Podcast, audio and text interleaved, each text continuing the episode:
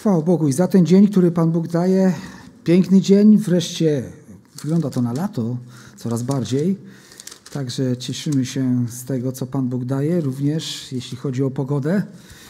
Ale przede wszystkim chcemy być wdzięczni Bogu za pogodę, która przyszła wraz z Chrystusem.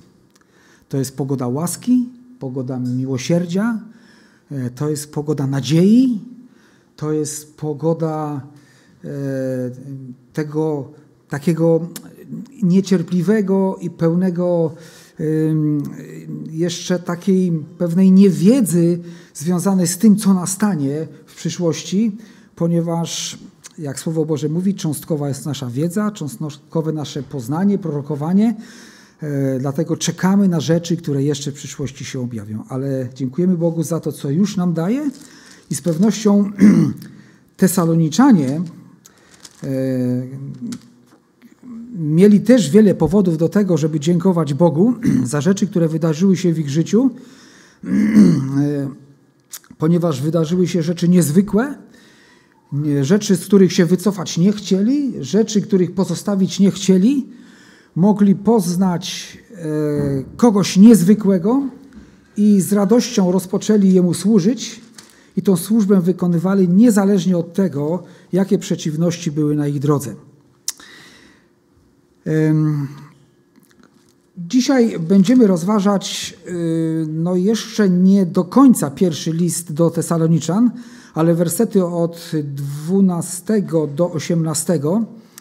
Jednakże chcę pokrótce przypomnieć, co takiego wydarzyło się właśnie te, przydarzyło się Tesaloniczanom. Oczywiście nie wszystkim mieszkańcom tego miasta, e, ale e, znaczna część z nich doświadczyła czegoś niezwykłego. Otóż Tesaloniczanie, jak wszyscy wokoło w tamtym czasie, służyli bałwanom, czyli bożkom, czyli fałszywym bogom. Były to wizerunki ludzi, e, wizerunki zwierząt, które były martwe, a za tym wszystkim, za tymi kultami stały różnego rodzaju też demony często. Kiedy usłyszeli radosną e, nowinę, Ewangelię, nawrócili się od bałwanów do Boga żywego i prawdziwego, i zaczynają jemu, zaczęli Jemu służyć. I zaczęli od chwili, kiedy poznali Pana Jezusa, usłyszeli o Nim i przyjęli Ewangelię, zaczęli też oczekiwać na Syna Bożego z niebios, ponieważ Ewangelia niesie oprócz yy, wspaniałej wiadomości o śmierci Chrystusa za nasze grzechy, o Jego zmartwychwstaniu, również Ewangelia niesie nasz, yy, nadzieję i obietnicę naszego zmartwychwstania i powrotu Pana Jezusa z powrotem po swój Kościół, a potem, aby objąć władzę na ziemi.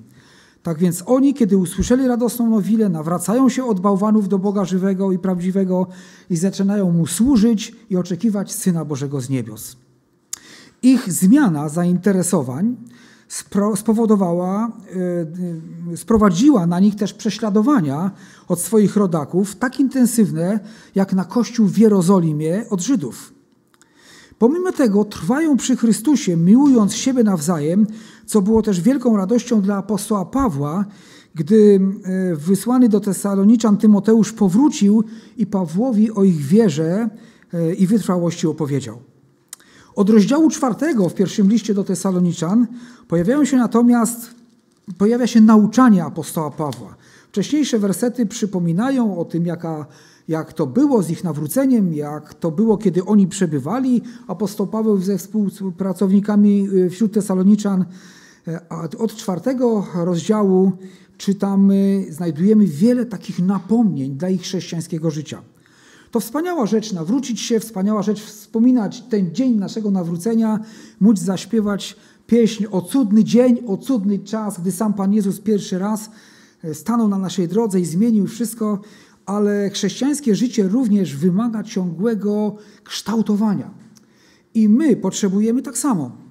Pomimo, że moglibyśmy mieć niezwykłe, wspaniałe nawrócenie i wspaniałe świadectwo nawrócenia, jednak potrzebujemy ciągle słów przypominających, napominających i zachęcających, aby trwać e, na, na właściwym, we właściwym kierunku, aby zmierzać i aby też E, dokładać starań, żeby nasze chrześcijańskie życie pielęgnować w właściwy sposób.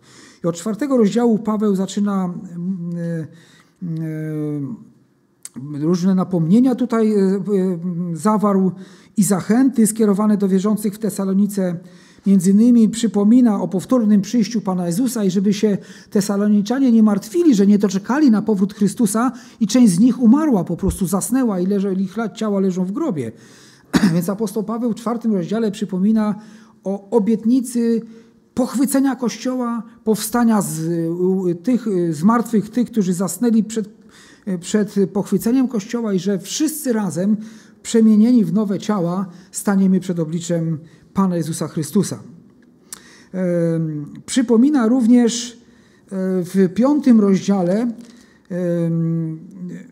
o, i zachęca do tego, żebyśmy jako synowie dnia, również i tesaloniczanie wtedy, żebyśmy byli trzeźwi, żebyśmy postępowali w sposób właściwy do naszego powołania. Czyli jeżeli poznaliśmy prawdziwego, żywego Boga, to żebyśmy teraz żyli w pewnej świadomości, w pewnym zrozumieniu, byśmy praktykowali to, co jest właściwe i dobre.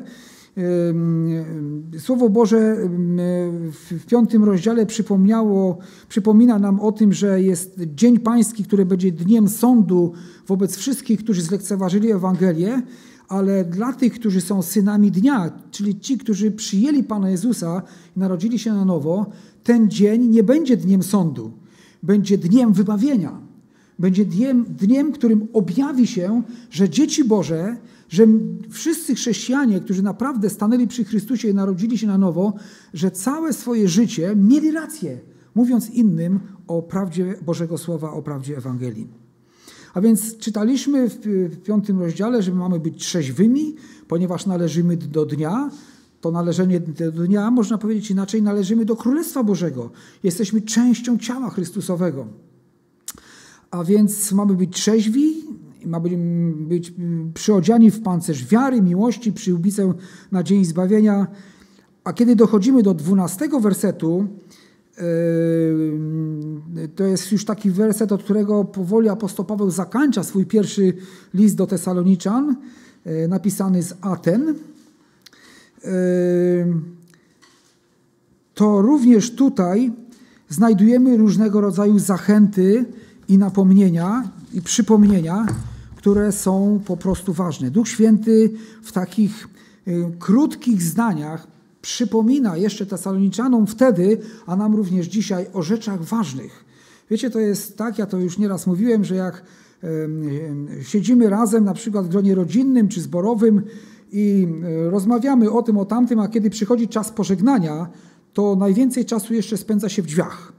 Bo jeszcze to, jeszcze to, jeszcze tamto, jeszcze tamto. I coś takiego często Paweł robi, apostoł, kiedy zakończa swoje listy, zaczyna jeszcze takie stawiać takie ważne punkty. To jeszcze pamiętajcie to, pamiętajcie to, pamiętajcie to, strzeżcie tego, pilnujcie, bo to jest istotne, bo to jest ważne, bo to jest bezpieczne przede wszystkim też dla was samych.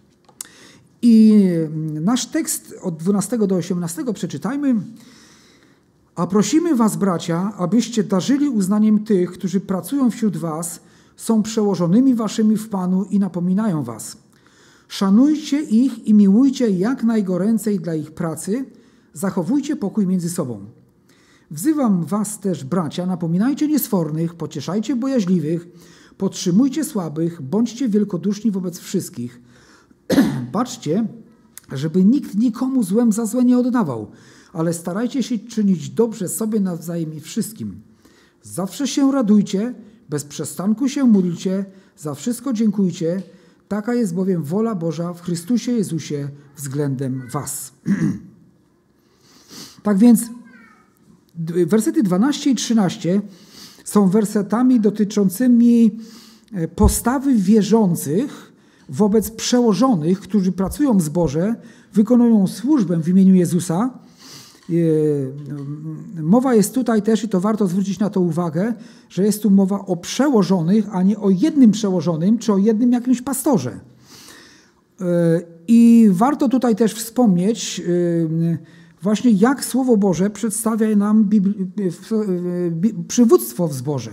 Jaki jest biblijny model przywództwa w zborze, który jest częścią ciała Chrystusowego, jest cząstką Kościoła Chrystusa na ziemi. Otóż skorzystam z, naszego, z naszej takiej broszury zborowej na temat biblijnego przywództwa i kilka zdań dosłownie przeczytam, żebyśmy sobie przypomnieli, jak w świetle Bożego Słowa wygląda przywództwo biblijne. Z biblijnej perspektywy głównym punktem przywództwa lokalnego zboru jest starszy. Starszy jest jednym z wielu mężczyzn spełniających biblijne warunki, którzy wspólnie pasą i doglądają lokalne ciało wierzących. Słowo przetłumaczone jako starszy jest użyte 20 razy w dziejach apostolskich i w listach w odniesieniu do tej unikalnej grupy przywódców, którzy są odpowiedzialni za doglądanie i prowadzenie ludu Bożego. Konsekwentny wzór widoczny poprzez cały Nowy Testament jest taki, że każde lokalne zgromadzenie wierzących jest prowadzone przez grupę powołanych przez Boga starszych.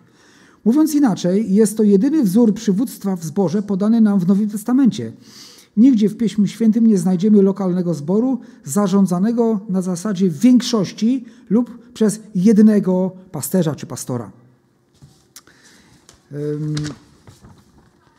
Charakter i efektywność jakiegokolwiek zboru jest bezpośrednio zależna od jakości starszych. Dlatego też Pismo Święte podkreśla potrzebę przywódców zboru spełniających kwalifikacje i podane konkretne kryteria oceny tych, którzy mają działać w tej świętej służbie. I e, Bóg jest tym, który przygotowuje ludzi do tej służby. Zadaniem, zadaniem zboru jest tych ludzi w oparciu o Boże Słowo rozpoznać, wyłonić i e, powołać ich, czy e, ordynować, czy powołać do tego, żeby tą służbę wykonywali. I oczywiście to jest też tak, że nie powołujemy ludzi do służby starszych, do tej posługi i nie mówimy im, dobrze, to może ty będziesz starszy i pamiętaj, jak już będziesz starszy, to masz się zachowywać tak, jak mówi Boże Słowo. To je, byłoby straszna katastrofa dla zboru i, nie, i nieszczęście. Otóż zadaniem zboru jest wyłonić w, w, w świetle Bożego Słowa tych mężczyzn, tych braci, którzy, których Bóg przygotował do tego, aby tą służbę sprawować, ich na tą, na, do tej pracy powołać. Oczywiście, jeśli tego chcą i wyrażają na to zgodę. Gdy era apostolska zbliżała się do końca, urząd starszych stał się najwyższym poziomem przywództwa loka w lokalnym zborze. Dlatego też urząd ten niesie ze sobą wielki ciężar odpowiedzialności, nie było większej instancji odwoławczej, ani większego źródła poznania Bożego serca i myśli w kwestiach dotyczących Kościoła, jak właśnie kiedy już odeśli apostołowie, byli to starsi zboru. Głównym zadaniem starszego jest służyć jako zarządzający i opiekun. Pierwszym do Tymoteusza o tym czytamy. Obejmuje też wiele konkretnych zadań. Jako duchowi nadzorcy E, e, trzody starsi mają decydować o zasadach życia i funkcjonowania zboru, tu Dzieje Apostolskie 15 rozdział, doglądać zbór, Dzieje Apostolskie 20 rozdział, ordynować innych, Tymoteusza 4, zarządzać, nauczać, zwiastować, Tymoteusza 5, 1 Tymoteusza 1 Tesaloniczan, napominać i dawać odpór, Tytusa, pierwszy rozdział, dziewiąty werset, postępować jak pasterze, dając wszystkim przykład. Te zadania stanowią, stawiają starszych w samym centrum pracy nowotestamentowego zboru. A więc kiedy przypomnieliśmy sobie troszeczkę tutaj o tym, jaka, na czym polega służba starszych i, i, i kim mogą być i kim powinni być starsi w zborze, chcielibyśmy popatrzeć właśnie, co tutaj apostoł Paweł pisze odnośnie postawy innych wierzących ze zboru wobec tych, którzy są starszymi w zborze. Y, I czemu apostoł Paweł tak intensywnie prosi o uznanie dla starszych? Zapewne było coś na rzeczy, skoro napisane są takie słowa. W żadnym liście nie jest napisane nic bez powodu. Y, Duch Święty podyktował Pawłowi, y, być może z powodu tego, że coś w zborze Tesaloniczan wymagało jeszcze poprawy, czy, czy zatrzymania, może zapobieżenia jakiemuś rozwojowi niewłaściwego zachowania. Otóż dlatego właśnie te słowa są napisane i przypomnienie jest, aby wobec tych starszych w zborze cały zbór miał odpowiednią też postawę. Tu czytamy, darzyli uznaniem yy, i napominają, szanujcie i miłujcie ich najgoręcej dla ich pracy W innym miejscu też apostoł Paweł prosi o to, żeby się o nich modlić. Może powodem tego, co pisze apostoł Paweł, było to, co znajdujemy w czwartym rozdziale w 11 i 12 wersecie. Otóż czytamy tutaj i gorliwie starali się prowadzić żywot cichy. Tutaj apostoł Paweł właśnie pewne napomnienia do zborów Tesalonicze pisze. I między innymi mówi to, aby gorliwie starali się prowadzić żywot cichy, pełnić swoje obowiązki i pracować własnymi rękami, jak wam nakazaliśmy, tak abyście wobec tych, którzy są poza zborem, uczciwie postępowali i na niczyją pomoc nie byli zdani. I tutaj być może, nie wiemy tego dokładnie, starsi być może napominali w oparciu o list apostoła Pawła tych, którzy pozwalali sobie na odstępstwo od tych zasad podanych. A więc prowadzić żywot cichy, pełnić swoje obowiązki, pracować własnymi rękami, jak nakazaliśmy. A drugi list do Tesaloniczan pokaże nam również, że ten problem w zborze ciągle tam występował.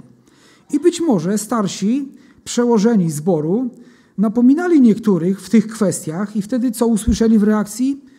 Nie będziesz mnie pouczał. Nie sądź mnie. Sam będę decydował, co mam zrobić. Przecież mam też Bożego Ducha. Nalegając, aby święci darzyli uznaniem tych, którzy pracują wśród nich, Paweł chce powiedzieć, że powinni szanować duchowych przywódców, przewodników i być im posłuszni. Wynika to ze słów, które są e, e, tutaj zapisane w naszym e, dwunastym wersecie, są przełożonymi waszymi w Panu i napominają was. Słowo Boże przypomina, że jest to Boże powołanie, że jest to Boża służba, którą Bóg przez swojego ducha, dzisiaj również poprzez Pismo Święte, które zostało podyktowane też przez Bożego Ducha sługom Bożym, że właśnie tutaj jest pokazane, w jaki sposób powinniśmy się odnosić tych, którzy są naszymi przełożonymi. I powierzona im jest opieka, odpowiedzialność, dawanie wzoru i cała troska o, o zbór. Starsi są podległymi Bogu pasterzami owieczek Bożych. Ich odpowiedzialnością jest nauczać, zarządzać oraz ostrzegać. I może dlatego właśnie tutaj apostoł Paweł przypomina wierzącym w Tesalonice, żeby poddawali się napomnieniu czy też decyzjom starszych zboru, ponieważ no tak to jest, że nawet w kościele potrzebny jest pewien ład i porządek. Zresztą czytamy o tym, że Bóg jest Bogiem porządku, Bogiem ładu. I jeśli się zgromadzacie, w liście do Koryntian czytamy, wszystko niech się odbywa godnie i w porządku. Starsi są przedstawicielami Pana. Jest to wielka też odpowiedzialność. To jest to brzemię, które każdy starszy powinien nieść na sobie i mieć tą świadomość, że w imieniu Boga, jakby w miejsce Chrystusa to poselstwo sprawują.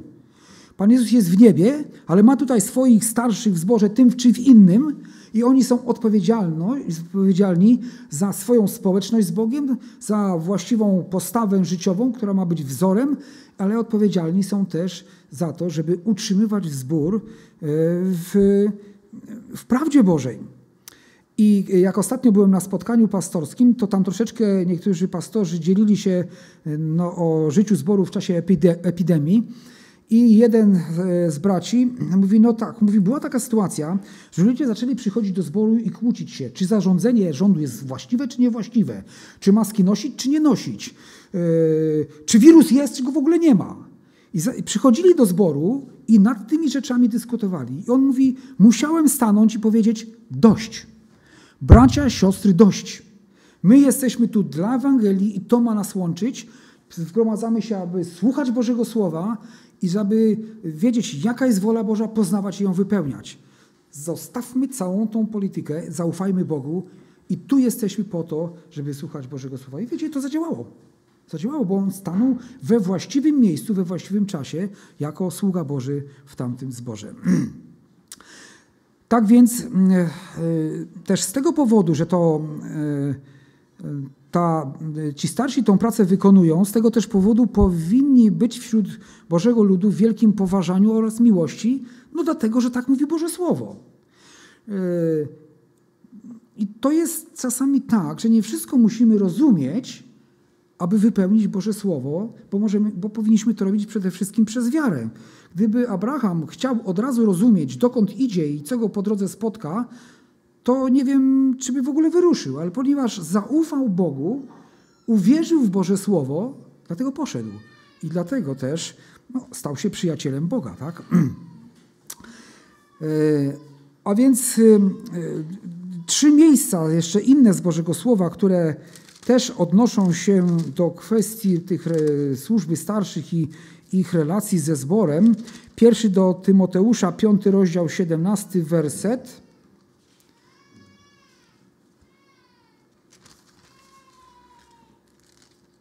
Pierwszy do Tymoteusza, piąty rozdział, 17 werset. Starszym, którzy dobrze swój urząd sprawują, należy oddawać podwójną cześć, zwłaszcza tym, którzy podjęli się zwiastowania słowa i nauczania, albowiem Pismo mówi mucącemu wołowi nie zawiązuj pyska oraz godzin jest robotnik zapłaty swojej. Y, warto zwrócić uwagę na to, że tym starszym, którzy dobrze swój urząd sprawują, należy oddawać podwójną cześć. Nie wszyscy zawsze wykonują tę służbę dobrze.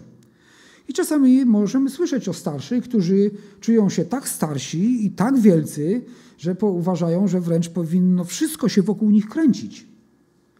E, Słowo Boże mówi, że jeśli dobrze swój urząd sprawują, w pobożności, stawiając siebie za wzór, w trosce o, o, o zbór pański i tą służbę wykonują dobrze i zwłaszcza jeśli też nauczają słowa, to należy dziękować Bogu za takich ludzi i też po prostu okazywać im to, do czego zachęca, czego naucza.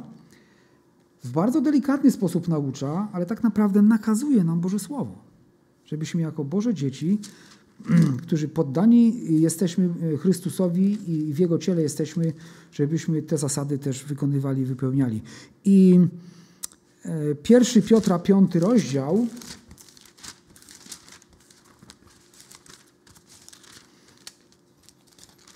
werset od 1 do 5 czytamy.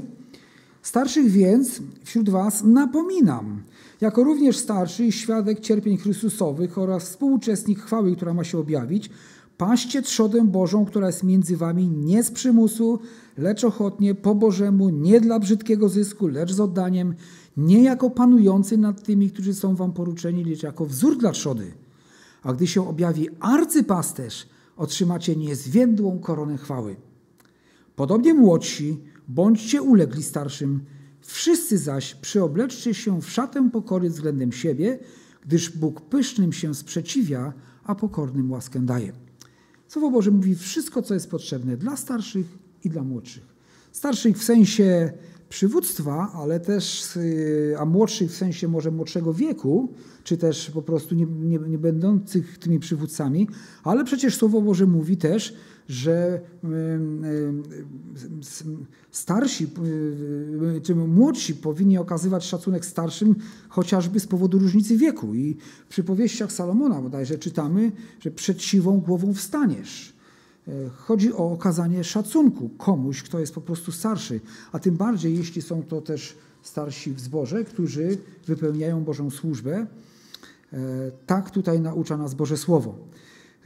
Młodsi bądźcie ulegli starszym i o tej uległości pisze jeszcze troszkę więcej list do Hebrajczyków, rozdział 13, w którym czytamy następującą zachętę i napomnienie. W 17 wersecie jest napisane tak, w list Hebrajczyków, 13 rozdział. Bądźcie posłuszni przewodnikom waszym i bądźcie im ulegli. Oni to bowiem czuwają nad duszami waszymi i zdadzą z tego sprawę niechże to czynią z radością, a nie ze wzdychaniem, gdyż to wyszłoby wam na szkodę. Zachęcam do jeszcze uważnego przeczytania tego wersetów i żeby każdy z nas dla siebie też wyciągnął to, co każdego z nas dotyczy. Zasada podległości czy uległości władzom w ogóle jest biblijną też zasadą. Nie chodzi tu nawet tylko o przywództwo zborowe, ale przecież czytamy że mamy być podporządkowani władzom, e, modlić się o władzę. E, w ogóle pomysł władzy i przywództwa jest Bożym pomysłem. Chociażby dlatego, że On jest naczelnym wodzem wszystkiego i wszystkich.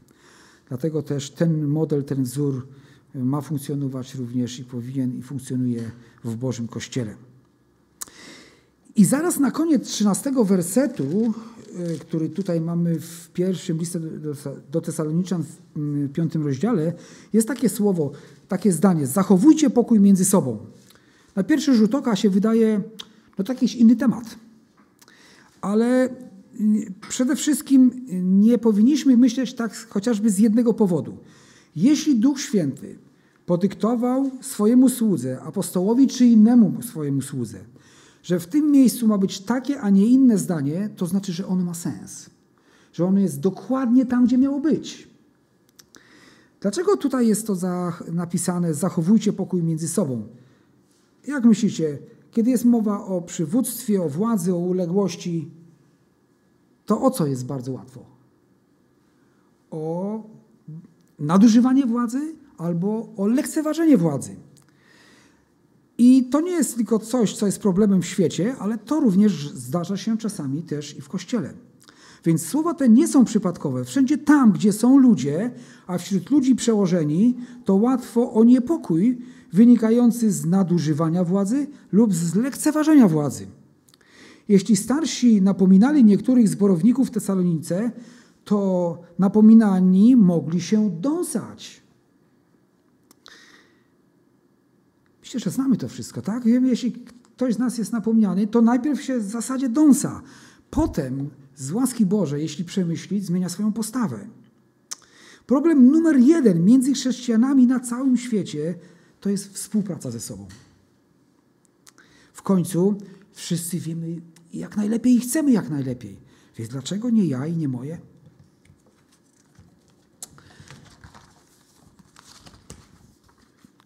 Każdy wierzący ma w sobie wystarczająco dużo starej natury, aby podzielić i zniszczyć lokalny zbór. Z tej starej natury.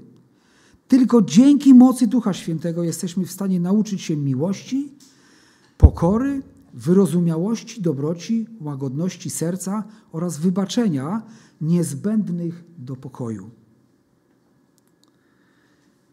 Myślę, że jako Boże dzieci pragniemy zachowywać pokój między sobą. To nic przyjemnego znajdować się w sytuacji, w której jest spór, kłótnia, niepokój.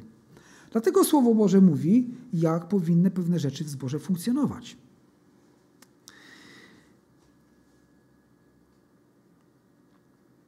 Czternasty werset, idziemy już tutaj troszeczkę dalej. Czternasty werset wydaje się być skierowany może bardziej właśnie do tych starszych przełożonych zboru. Czytamy, e, wzywam was też, bracia, napominajcie niesfornych, pocieszajcie bojaźliwych, podtrzymujcie słabych, bądźcie wielkoduszni wobec wszystkich, aczkolwiek w innym miejscu Słowo Boże mówi w innym liście, że wszyscy możecie się nawzajem napominać, czyli e, wypowiadać słowa zachęty, ostrzeżenia, może jakiegoś takiego napomnienia w celu budowania siebie nawzajem, w celu pobudzania do tego, żeby trwać Bo w Bożej prawdzie i wykonywać y, te Boże zalecenia Bożego Słowa. Ale wydaje mi się, jeśli byśmy może tak pomyśleli, że ten werset 14 jest bardziej skierowany tutaj do starszych zborów właśnie, to, mm, to mówi on o tym, aby rzetelnie i odważnie pełnili służbę wśród braci i sióstr w zborze. I żeby też stosowali no, jakieś takie wyraźne, w wyraźny sposób, reagowali na różne sytuacje, czy też na potrzeby, na różne potrzeby różnych ludzi.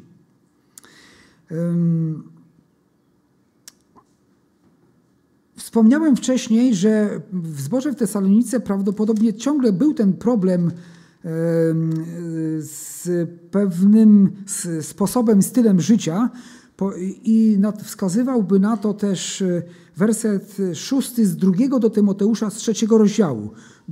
Drugi Tesaloniczan, przepraszam.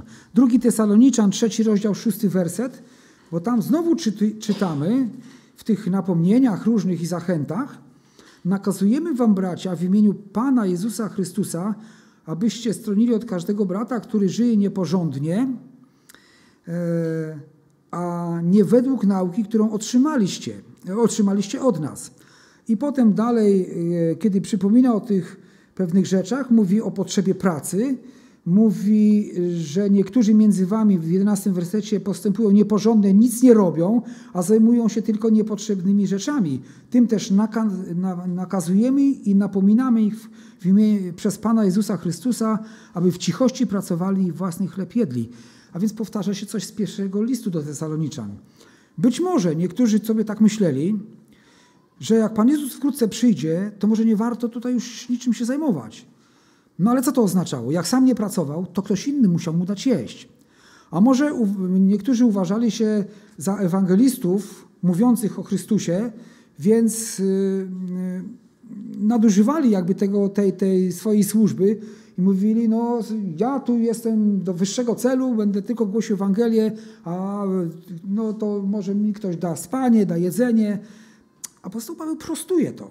On sam pracował na własne utrzymanie żeby dla nikogo nie być ciężarem. A więc y, y, to mm, najwyraźniej w Tesalonicze też był właśnie taki problem, który wymagał prostowania i myślę, że każdy zbór ma swoje słabości, które ciągle wymagają napomnienia i przypomnienia, że należy podejmować walkę z tymi rzeczami, które są, y, no, wynikają z naszej ludzkich jakichś słabości i ludzkiej niedoskonałości. E, i że nie powinniśmy zaniechać e, walki z tym, co jest ze starego naszego życia, co jest jakieś niewłaściwe, niezgodne z Bożym Słowem. I Słowo Boże daje potem cztery zalecenia właśnie w tym czternastym wersecie, e, który, które powinni realizować czy wypełniać ci bracia w zborze w Tesalonice. Pierwsze, pierwsze zalecenie to napominajcie niesfornych. Niesforni to są ci, którzy nie kroczą w szyku, ale notorycznie zakłócają spokój, Kościoła nieodpowiedzialnym zachowaniem. Zachowaniem, które jest wątpliwe co do prawdy Ewangelii. W drugim do Tesaloniczan, w trzecim rozdziale, właśnie wskazuje na nieodpowiedzialne zachowanie w kwestii unikania pracy i tym samym nadużywania cudzej gościnności. Ale mogą to być inne rzeczy wiele y, dotyczących wielu różnych sfer naszego życia. Przebywanie w niestosownym towarzystwie.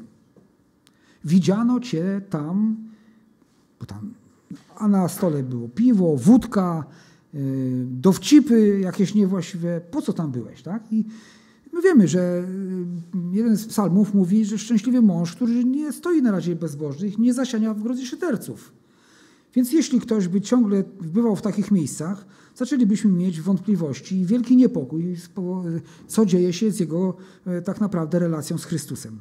Inną rzeczą może być lekceważenie, lekceważące odnoszenie się do rodziców, przełożonych, do nauczycieli w szkole.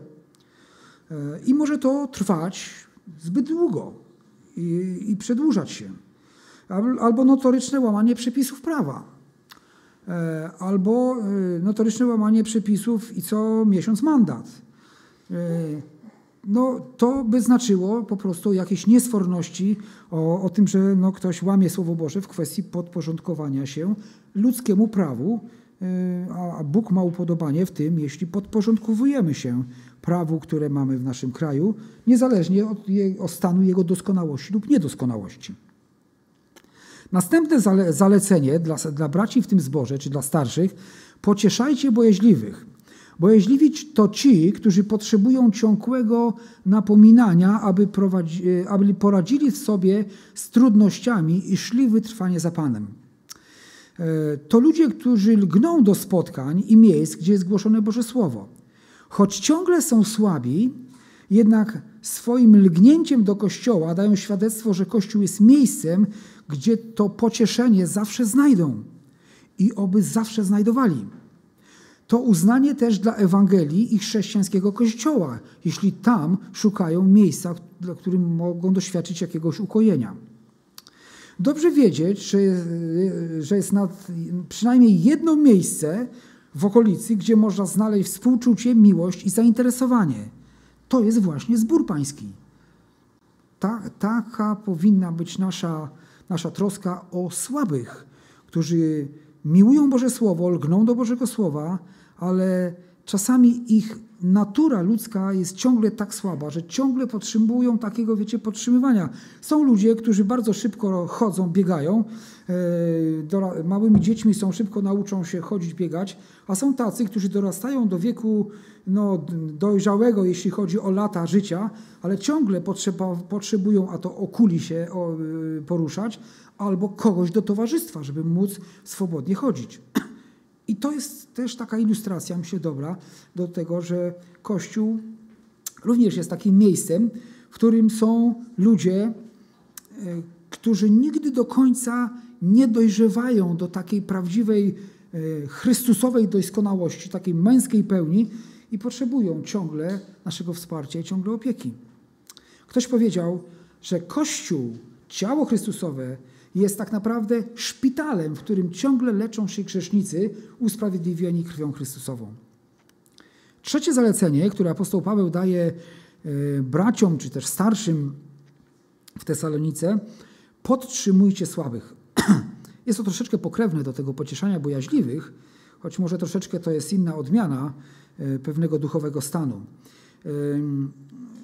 To jest pomaganie tym, którzy moralnie, duchowo i fizycznie są słabi. Chodzi przede wszystkim o duchowe i moralne wsparcie tych, którzy są słabi w wierze.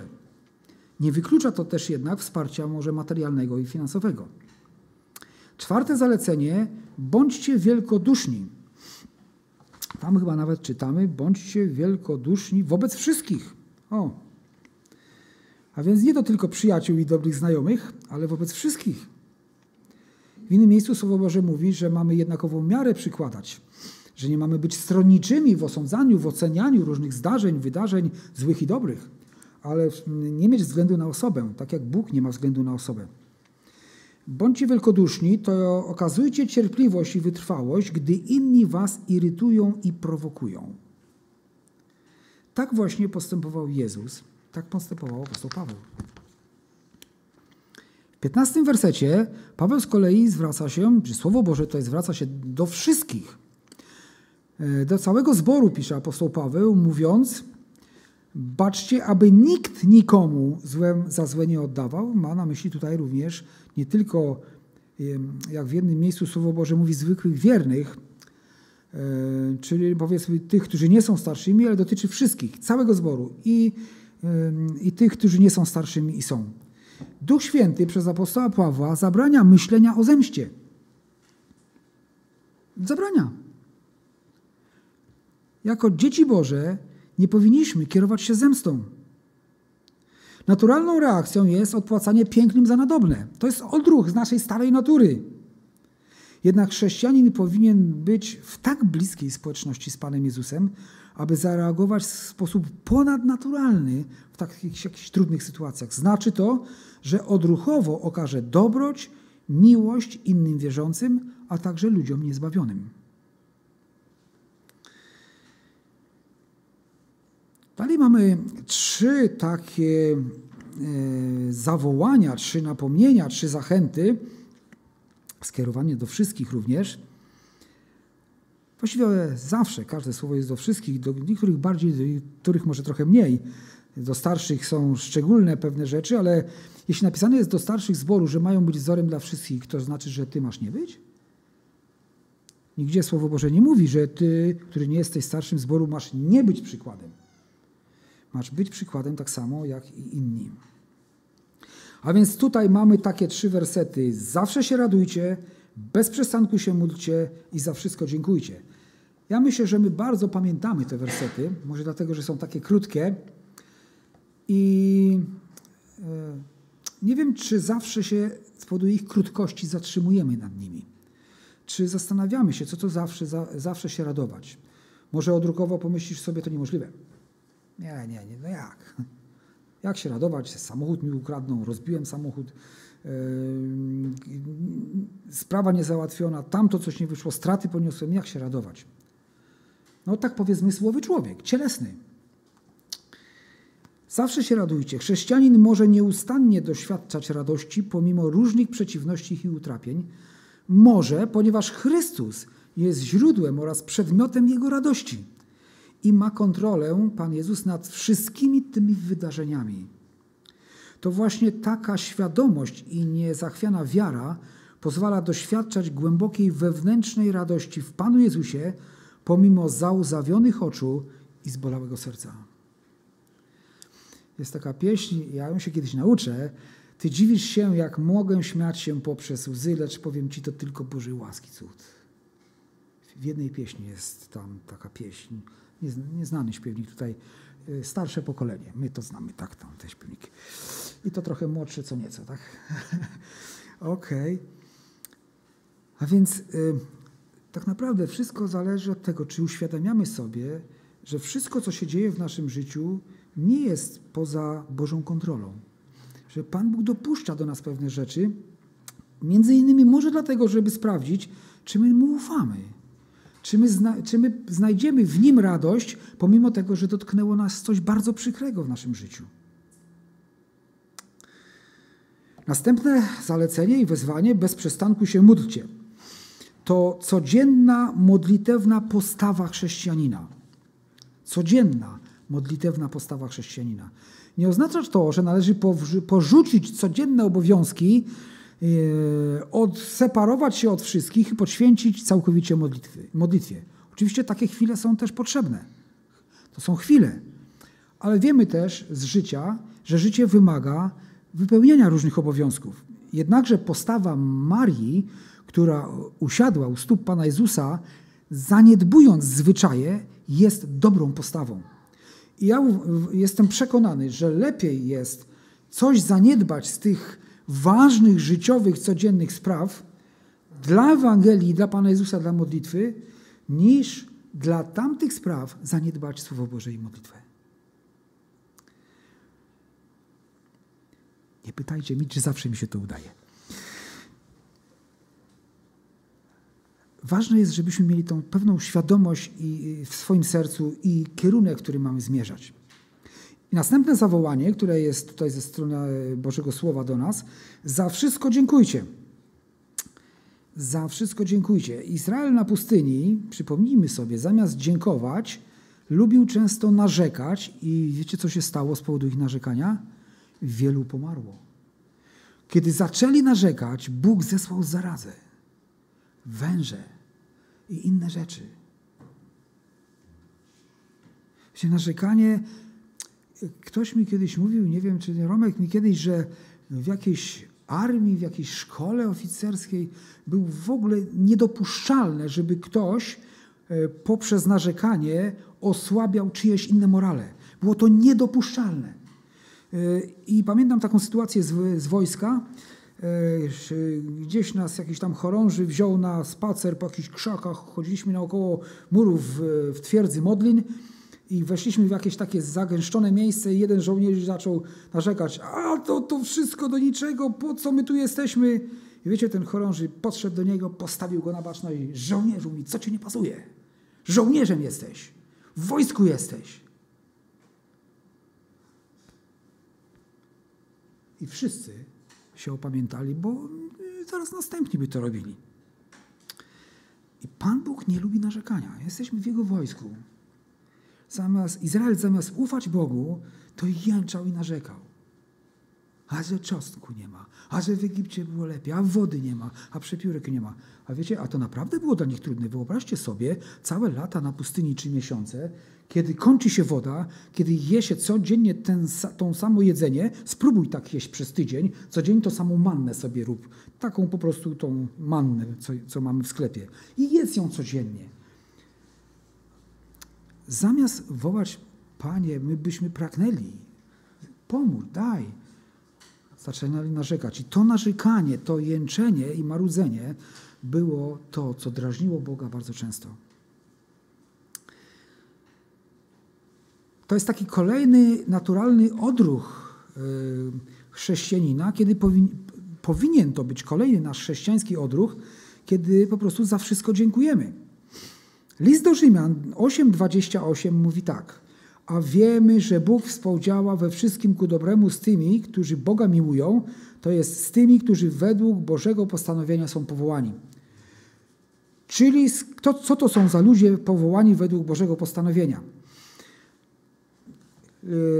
list Judy mówi, że do kościoła wkradli się jacyś ludzie. Nieodrodzeni, nie mający ducha, nienarodzeni na nowo.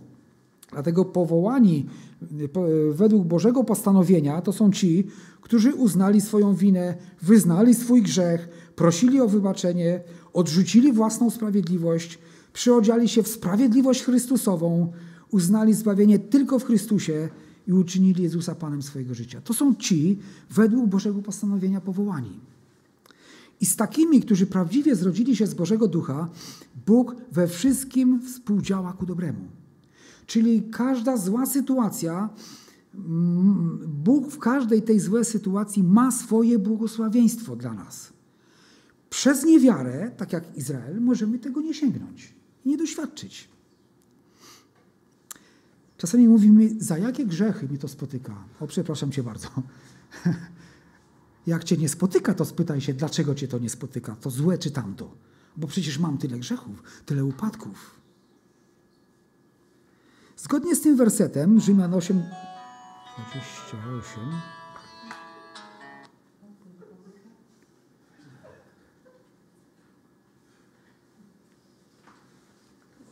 Ładnie się śmiać jest kogoś.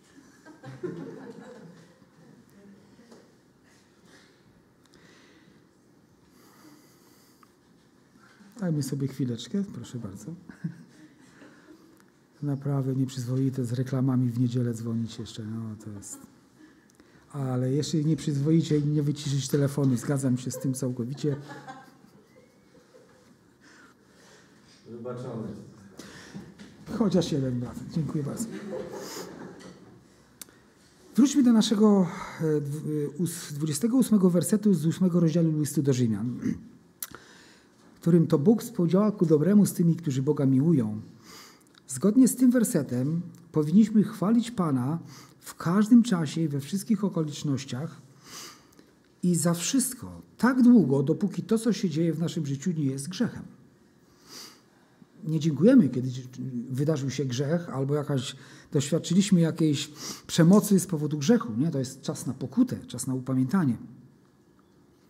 Te trzy ostatnie rzeczy, o których tutaj mówiliśmy, zawsze się radujcie, bez przestanku się módlcie, za wszystko dziękujcie, nazywane jest często takim regulaminem dla Kościoła jeśli chodzi o taką chrześcijańską postawę, o, o chrześcijańską postawę wykształtowaną, trwale funkcjonującą.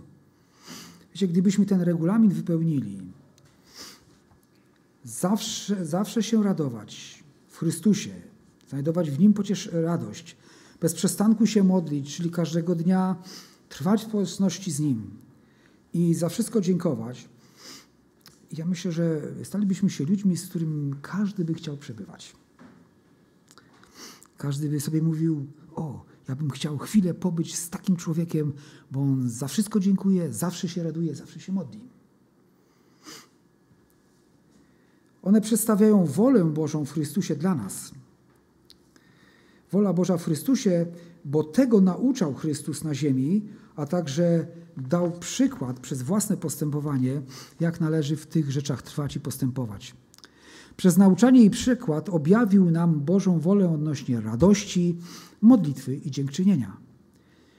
Czy dzisiaj, w ten niedzielny, piękny dzień, jesteś gotów podjąć dla Jezusa trud i przywilej wypełnienia Bożego Słowa w tych dwóch takich, no może w tych kilku aspektach, które tutaj dzisiaj poruszaliśmy?